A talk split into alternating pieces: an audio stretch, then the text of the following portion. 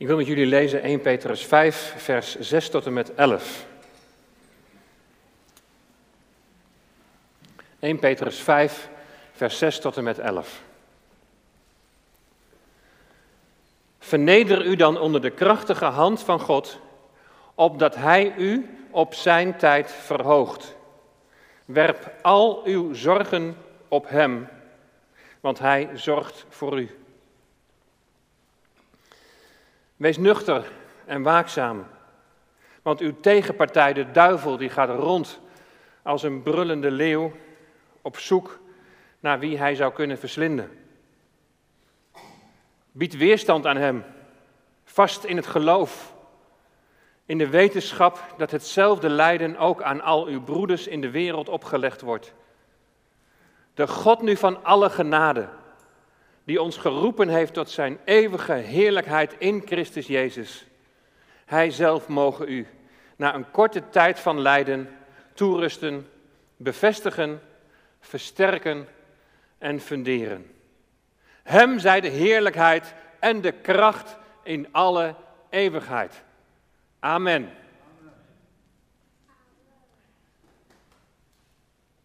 Ik ben bij je in het midden van de strijd. Marcel Zimmer die eh, reisde met Open Doors naar Irak. En eenmaal thuis toen voelde hij verdriet en hopeloosheid naar boven komen. En daarop schreef hij het lied dat we net hebben gehoord. We klampen ons vast aan wat de Heer Jezus ons in zijn woord belooft. Ik ben bij je in het midden van de strijd. Hij is bij ons tot het einde van de tijd, tot in eeuwigheid. En daar mogen ook wij ons aan vastklampen. Hij is bij ons in het midden van onze strijd. In relatie tot de vervolgde kerk is die strijd verbod op samenkomsten, gevangenschap, of je kerkgebouw wordt verbrand. Vermoord omdat, omdat je beleidt dat Jezus je redder is. En die vervolging is al vroeg begonnen. Petrus die schrijft zijn brief als reactie op het nieuws van de groeiende tegenstand tegen de gelovigen in Klein-Azië, dat is het huidige Turkije. Het christendom was in het Romeinse Rijk nog niet officieel verboden, maar alles werd voorbereid voor de vervolgingen en voor het martelaarschap. Deze brief die werd waarschijnlijk zo geschreven zo vlak voor het uitbreken van de vervolgingen, de hele zware vervolgingen onder keizer Nero in 63, 64 na Christus. Dus nog maar zo'n 30 jaar na de dood en de opstanding van de Heer Jezus. In het keizerrijk namen vijandigheid en achterdocht tegenover christenen toe. Ze werden vernederd, ze werden mishandeld. Ze werden mishandeld vanwege hun levenswandel en hun opruiende taal over een ander koninkrijk. Het koninkrijk van de zoon, het koninkrijk van het licht. En daar waar dit koninkrijk verkondigd wordt en ook zichtbaar wordt in de veranderde levens van kinderen van God, daar ontstaat een enorme botsing met het rijk van de duisternis. En vorige week hebben we daar nog bij stilgestaan. Twee koninkrijken. Het koninkrijk van de zoon en het koninkrijk van de Satan, de vorst van deze wereld. Als je tot geloof gekomen bent in de Heer Jezus, dan ben je, zoals dat in 1 Petrus 2, vers 9 staat, geroepen. Je bent geroepen uit de duisternis tot zijn wonderbaar licht. Van het ene koninkrijk in het andere koninkrijk. Vorige week heb ik Colossense 1, vers 13 geciteerd, waarin andere woorden ongeveer hetzelfde staat. Hij heeft ons getrokken uit de macht van de duisternis en hij heeft ons overgezet in het koninkrijk van de zoon van zijn liefde. En dat overgezet zijn, dat betekent niet dat de geestelijke strijd voorbij is. En Petrus die waarschuwt daar ook voor. De Satan is wel verslagen. Hij zal het uiteindelijk niet gaan winnen. En hij kan ook niet verhinderen dat wij getrokken worden uit die duisternis tot het licht. Maar hij gaat nog wel rond als een brullende leeuw. En een brullende leeuw is hongerig. Hij zoekt wie hij kan verslinden. En zo zet hij ongelovigen op tegen gelovigen, opdat ze vervolgd worden. Al ben je overgezet van het koninkrijk van de duisternis naar het koninkrijk van het licht. Er zal strijd zijn zolang je op deze aarde bent. Juist als je bent overgezet naar het koninkrijk van het licht, zul je die geestelijke strijd in je leven gaan ervaren. Als je zo de eerste brief van Petrus, en ik wil jullie daartoe aanmoedigen, lees hem gewoon eens eventjes helemaal in één keer gewoon achter elkaar uit. Zoveel is het niet, maar om gewoon eens eventjes te proeven, de sfeer te proeven, dan, dan lees je daar bijvoorbeeld in 1 Petrus 2, vers 21 en in veel meer andere gedeelten, dat het lijden om Christus wil de normaalste zaak van de wereld is. In 1 Petrus 2, vers 21, daar schrijft Petrus het volgende, namelijk dat Christus voor ons heeft geleden en dat Hij ons zo een voorbeeld nalaat. Christus voor ons geleden en in dat lijden laat Hij ons een voorbeeld na. En wat staat er dan nog verder? Opdat u zijn voetsporen zou navolgen. Was die gedachte bij je opgekomen toen we aan het begin van het jaar zeiden: het jaarthema is in Jezus voetspoor? Dat lijden om Christus wil normaal is, lezen we dus nog veel meer in deze brief. Bijvoorbeeld, het is genade als je in staat bent om ten onrechte pijn te verdragen, omdat je op God gericht bent. Dat staat in 1 Petrus 2, vers 19. Het is genade als je in staat bent om ten onrechte pijn te verdragen, omdat je op God gericht bent. Heb je daar wel eens over nagedacht in relatie tot het woord genade? En je ontvangt genade, je bent gered, maar je ontvangt ook genade om in Jezus voetspoor te gaan en vervolging en verdrukking te verdragen. En dat die vervolging en dat die verdrukking, dat het lijden om Christus wil, dat het heel normaal is, zie je ook in 1 Petrus 4, vers 12. Je ziet, we wandelen gewoon even een stukje van de brief door. 1 Petrus 4, vers 12. Geliefden, laat de hitte van de verdrukking onder u, die tot uw beproeving dient, u niet bevreemden alsof u iets vreemds overkwam. Dat zegt hij dus tegen gelovigen hier die ongelooflijk worden vervolgd en in de verdrukking zijn. Maar laat het je niet verbazen, zegt Petrus. Verdrukking en vervolging is het logische gevolg van het volgen van Jezus. Verdrukking is normaal omdat het Jezus ook overkwam. En wij zijn lichaam, wij gaan in Jezus voetspoor. Het is enerzijds een verzoeking van de duivel, die mensen gebruikt om je het leven zuur te maken. Maar je kunt het niet alleen maar op anderen afschuiven. De Satan die vuurt zijn vurige pijlen op je af en die raken je als jij het schild van het geloof niet opheft. Dus dat is je eigen verantwoordelijkheid als je zijnde in het koninkrijk van de zoon. Zoals we vorige week ook over hebben gehad. Als je vriendschap sluit met het koninkrijk van Satan, als je door ongehoorzaamheid de deur openzet, dan hef je niet het schild van geloof op. Het vuur, hij vuurt zijn vurige pijlen af om je te ontmoedigen. En hij wil niks liever dan dat jij het opgeeft. Dat je het bijltje erbij neergooit. En anderzijds beproeft God je. Het is een test van je geloof. Is je geloof geworteld en gegrond in de liefde van de Heer Jezus Christus? Daar komt het dan op aan. Geliefden, laat de hitte van de verdrukking onder u, die tot uw beproeving dient, u niet verbazen.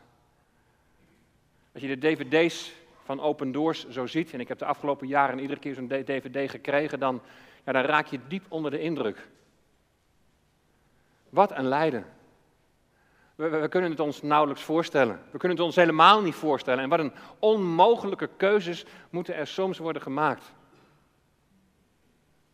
Lijden om Christus wil is normaal. En de vraag is, ben je daarop voorbereid? Aan de ene kant is er nog nauwelijks lijden omdat Christus om Christus wil, omdat wij in een vrij land leven. Maar terreur en aanslagen komen wel heel dichtbij. En soms zijn christenen daar al heel doelbewust het doelwit. De situatie die normaal is, die komt heel dichtbij. Het lijden om Christus wil. Aan de andere kant is er nauwelijks lijden om Christus wil, omdat heel veel christenen in twee werelden leven. En de Satan hoeft dan niet erg zijn best te doen. Maar als je uit dat dubbel leven stapt en je volop wilt leven vanuit het koninkrijk van de zoon, van de zoon van zijn liefde. Als je vanuit dat koninkrijk wilt leven, ben je er dan op voorbereid dat je die geestelijke strijd zult gaan ervaren? Ben je erop voorbereid dat er zomaar vervolging en verdrukking kan zijn? Het is zo belangrijk dat we ons daarop voorbereiden. En hoe doe je dat? Nou, bijvoorbeeld door vanmorgen te luisteren naar de aanwijzingen van Petrus. De aanwijzingen die hij schrijft aan gelovigen die om hun geloof worden vervolgd. En ik ga ze even voor je op een rijtje zetten. En het is dus niet de bedoeling dat je denkt van nou, dat moet ik dan toe kunnen passen op het moment dat het zich aandient. Nee, dit zijn principes die we nu al moeten leren toepassen, opdat we stevig geworteld en gegrond in die liefde van Christus staan. En we niet zomaar heen en weer geschud worden door allerlei wind van leren of door, door, door tegenstand die er is. Maar dat we vast in de Heer Jezus staan, geworteld in Hem. En het eerste dat Petrus noemt in het gedeelte dat we hebben gelezen, is verneder je onder de krachtige hand van God. Verneder je. Daar begint het mee. Het staat hier ook niet als een mogelijkheid, maar het staat hier in de gebiedende wijs. Verneder je. En in het Grieks heeft dit woord niet alleen de betekenis, de passieve betekenis van vernederen, maar ook de actieve betekenis in die zin dat je het aanvaardt om vernederd te worden. Dat klinkt krankzinnig toch? Aanvaard, aanvaarden om vernederd te worden. Staat toe staat er eigenlijk, staat toe dat anderen jou vernederen. Nou, dat betekent niet een houding van gelatenheid, of dat je het maar op moet zoeken. Maar in dit geval wijst het op een actieve afhankelijkheid van God. Wat mij ook overkomt, ik wil mij vernederen onder uw machtige hand. En laat het maar gebeuren, maar ik vertrouw op u. Je vertrouwt erop dat het lijden dat je ondergaat, dat het niet buiten hem omgaat. Hij is erbij. Ik ben bij je in het midden van de strijd. En misschien vinden we dat best wel moeilijk. Heb je niet vaak de neiging als je lijdt, en zeker als je dat ook nog overkomt, als je met positieve dingen van het geloof bezig bent, dat je denkt, waar is God? Als er staat, verneder je onder de krachtige hand van God, dan is enerzijds die krachtige hand van God daar die je wil bevrijden.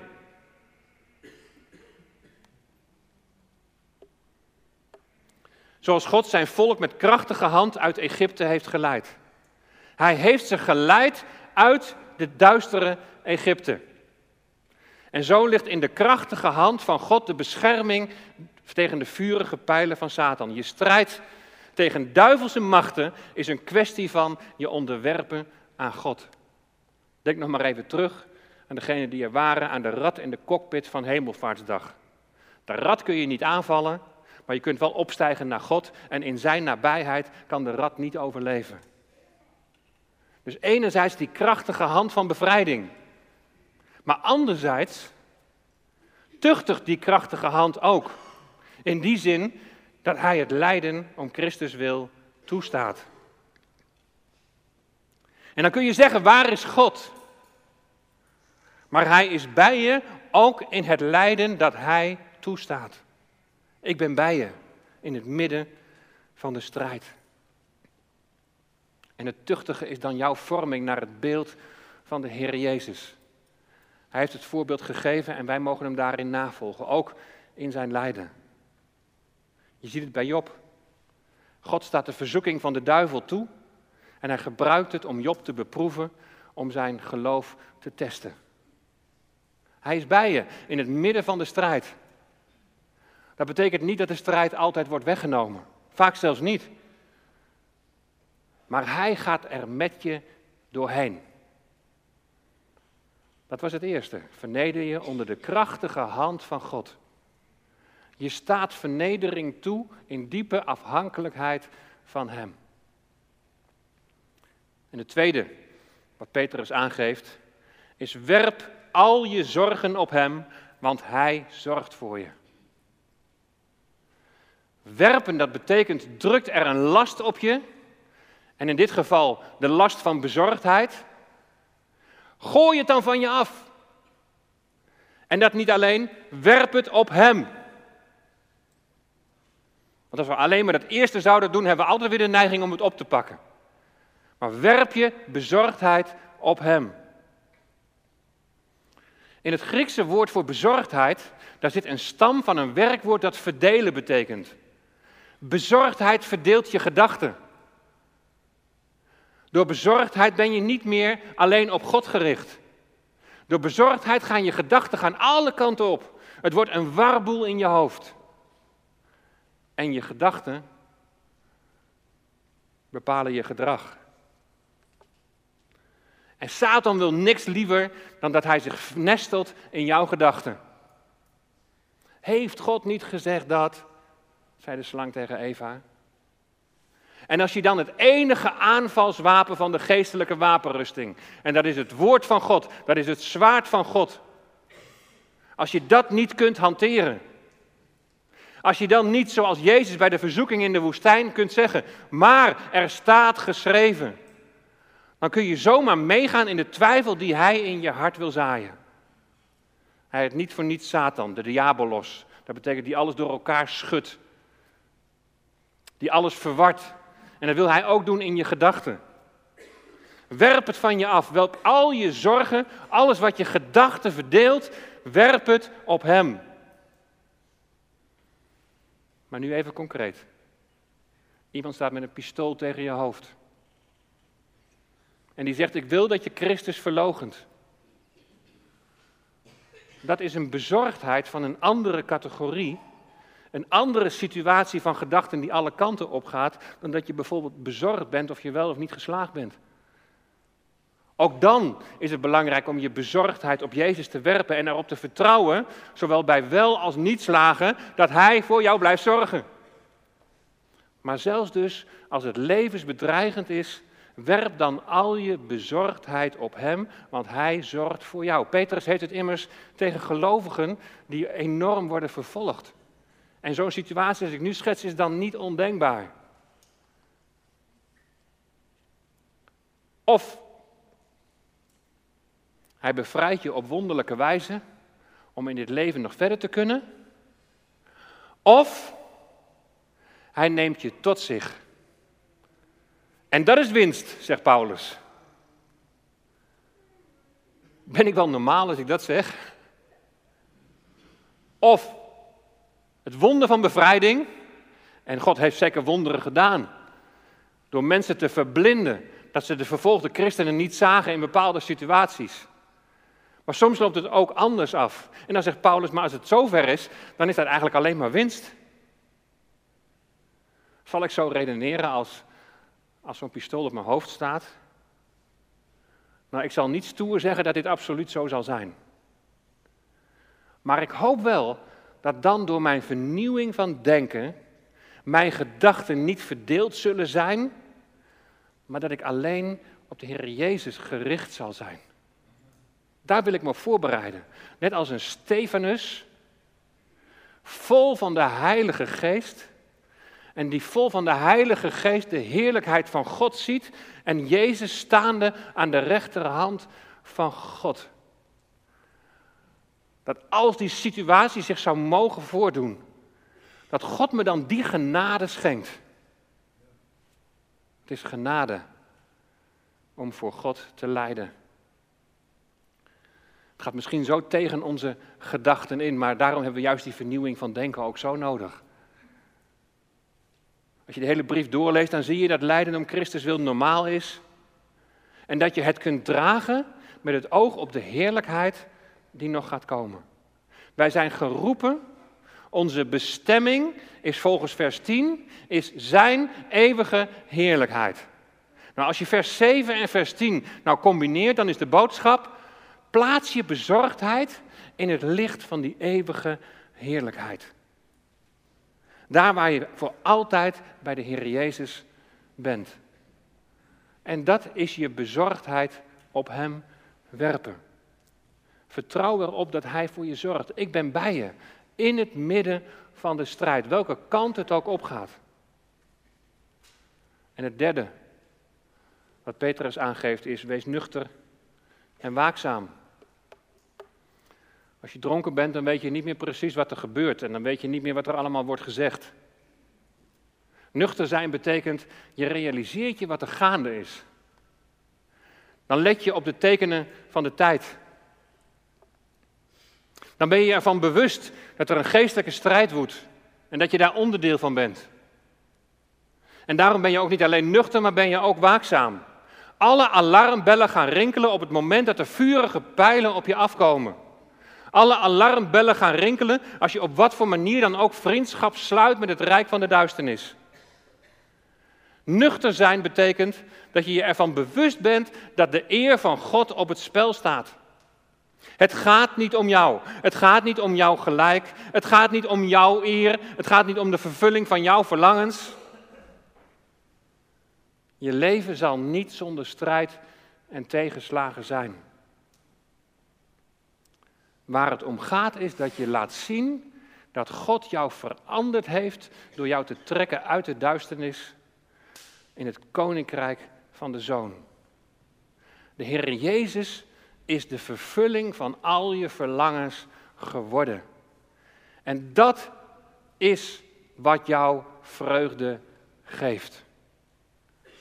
Al het andere is betrekkelijk en is tijdelijk. Dat de Heer Jezus Christus, onze redder en onze verlosser, Hij onze Heer, dat Hij de vervulling van al onze verlangens zal zijn. Jezus, ik heb het verlangen om U te volgen. Ik heb het verlangen om U te dienen. Wees waakzaam. En er is een hongerige leeuw die ingang wil krijgen in jouw gedachten. Die jouw godgerichte denken, zoals ik net heb geschetst, zomaar wil, wil ombuigen naar het mensgerichte, naar het horizontale. Of als je mensgericht denkt, wil hij voorkomen dat je je op God gaat richten en op Hem gaat zien. Wees nuchter en waakzaam. En, als vierde, bied weerstand. Bied weerstand aan die brullende leeuw. Hij is wel verslagen, maar hij is nog niet vernietigd. En hoe doe je dat dan? Vast in het geloof lezen we hier. En het woordje geloven heeft een veel diepere betekenis van dat je alleen maar de theorie gelooft. Je gelooft niet alleen dat Jezus gestorven is en opgestaan, maar dit geloof, dat werkt iets uit in je hart. Het woord geloof heeft ook de betekenis van vertrouwen en van trouw. Je vertrouwt degene in wie je gelooft. Je bent trouw aan degene in wie je gelooft. Dat is vast in het geloof staan. Je vertrouwt de Heer Jezus. Je bent trouw aan Hem.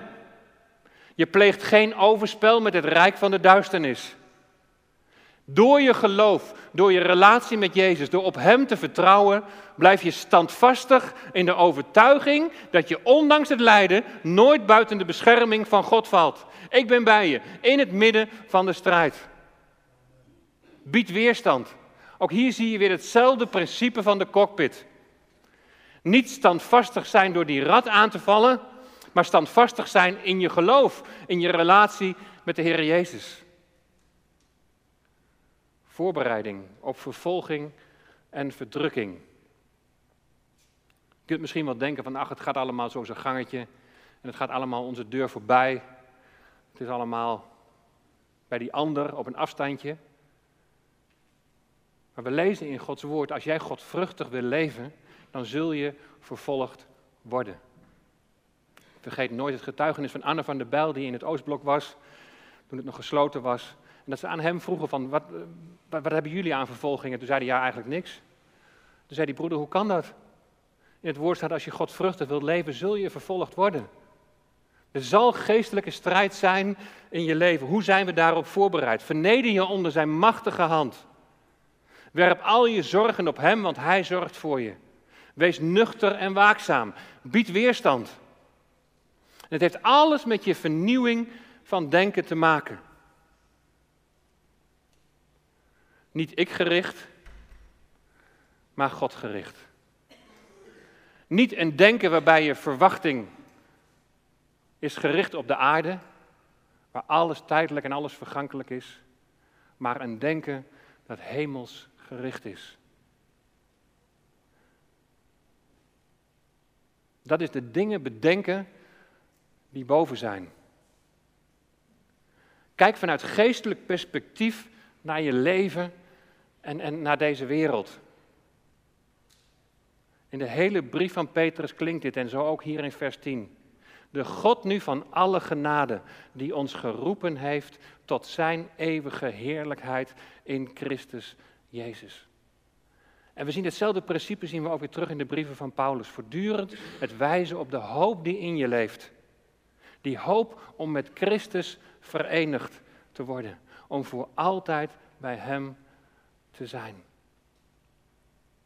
In vers 10 heeft Petrus het over een korte tijd van lijden. En als je nog jong bent, dan heb je het idee dat er nog een gigantische tijd voor je ligt. En in zekere zin is dat natuurlijk ook zo. En je mag dankbaar zijn voor het leven dat je hebt ontvangen. Maar als je wat ouder wordt, dan denk je van, het leven is een zucht. Ja. Het is zomaar voorbij, hè Jan? Maar gaat het snel? Het leven is een zucht. En zeker als je het leven plaatst in het licht van de eeuwigheid die nog gaat komen. Het leven is zo kort en in die korte tijd, waar vervolging en verdrukking dus heel normaal zijn, wil God met jou aan het werk. Hij wil je kneden, zodat je ervaart dat Hij bij je is in het midden van de strijd. En er worden vier dingen genoemd. Hij wil je toerusten, bevestigen, versterken en funderen. En dat toerusten, dat betekent geschikt maken. Hij wil dat je geschikt of volkomen wordt voor het doel waarvoor je bent bestemd. En dat gaat 100% zeker weten, gaat dat goed komen als je gelooft in de Heer Jezus. Hij is een goed werk in je begonnen en hij zal dat voleindigen. Hij zal dat volmaken. Hij zal ervoor zorgen dat je volkomen wordt. Maar in dit leven vormt hij je door, door de werking van zijn geest in jou naar zijn beeld. Dwars door het vuur maakt hij je rein en puur. Hij maakt door zijn woord zijn denken aan je bekend en gaat in je uitwerken dat je wat je denken betreft in Jezus voetspoor gaat. En jouw nieuwe denken gaat een uitwerking hebben op je gedrag. Mensen zullen zien en merken dat jij Jezus volgt. En voor de een zal dat een geur ten leven zijn. En ze zullen ook de Heer Jezus leren kennen. En voor de andere is het een doodsgeur. Ze zullen zich aan je ergeren. Ze kunnen je niet verdragen met vervolging en verdrukking als gevolg. De Heer wil je toerusten, Hij wil je ook bevestigen. En dat heeft te maken met stabiel maken in je geloof. Maar er zit ook nog in dit woord iets van, van troosten en van, van bemoedigen. Als je strijd ervaart, als het tegenstand is, dan bevestigt hij je, bijvoorbeeld door het lezen van de eerste brief van Petrus, dat jij op de goede weg bent. Op die manier troost hij je en bemoedigt hij je. Joh, die vervolging, het is normaal, het hoort er allemaal bij. Ik heb jullie dit voorbeeld nagelaten en jullie mogen in mijn voetspoor gaan. Ik ben bij je in het midden van de strijd. Versterken en funderen hebben een beetje dezelfde betekenis. God wil je sterk maken, je kracht geven, je standvastig maken in het geloof. De NBV-vertaling die, die vertaalt vers 10 als volgt. God zal u sterk en krachtig maken, zodat u staande zult blijven en niet meer zult wankelen. Nou, je kunt dit allemaal zo aanhoren en als je straks thuis aan de koffie zit, dan ben je misschien de helft alweer vergeten. Wat doe je met wat God tot je spreekt? Op de site bijvoorbeeld kun je alles nog eens rustig naluisteren. Je zou voor jezelf wat aantekeningen kunnen maken. En het gewoon eens even wat verder op je in laten werken. Wat betekent dit voor mij? Wat betekent dit voor mij in het volgen van de Heer Jezus? En bedenk dan voor jezelf of jouw denken, of het overeenstemt met datgene wat is gezegd of wat je leest in de eerste brief van Petrus. 1 Petrus 4, vers 13. Verblijd u naar de mate waarin u gemeenschap hebt aan het lijden van Christus. Dat is al één tekst de moeite waard om daar voor jezelf gewoon eens bij stil te staan. Verblijd u naarmate gij deel hebt aan het lijden van Christus opdat u zich ook in de openbaring van zijn heerlijkheid mag verblijden en verheugen. Denk voor jezelf eens na over de, over de volgende vragen bijvoorbeeld. Wat is jouw lijden om Christus wil? Als je dit lijden niet kent, hoe zou dat dan komen?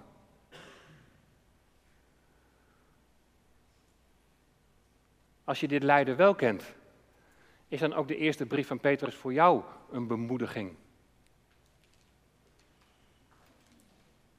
En als laatste, in hoeverre is het vooruitzicht van die eeuwige heerlijkheid bij de Heer Jezus belangrijker voor je dan alle tijdelijke en vergankelijke op deze aarde?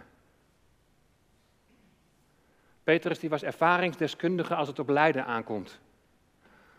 Toen hij deze brief schreef, toen wist hij nog niet wat hem te wachten stond. Volgens de overlevering is hij in Rome gekruisigd met zijn hoofd naar beneden. Vele gelovigen na hem zijn gemarteld. Voor de leeuwen geworpen in de arena's. Ik zal u alle details besparen. Maar die vervolging en die verdrukking, die is er nog steeds tot op de dag van vandaag.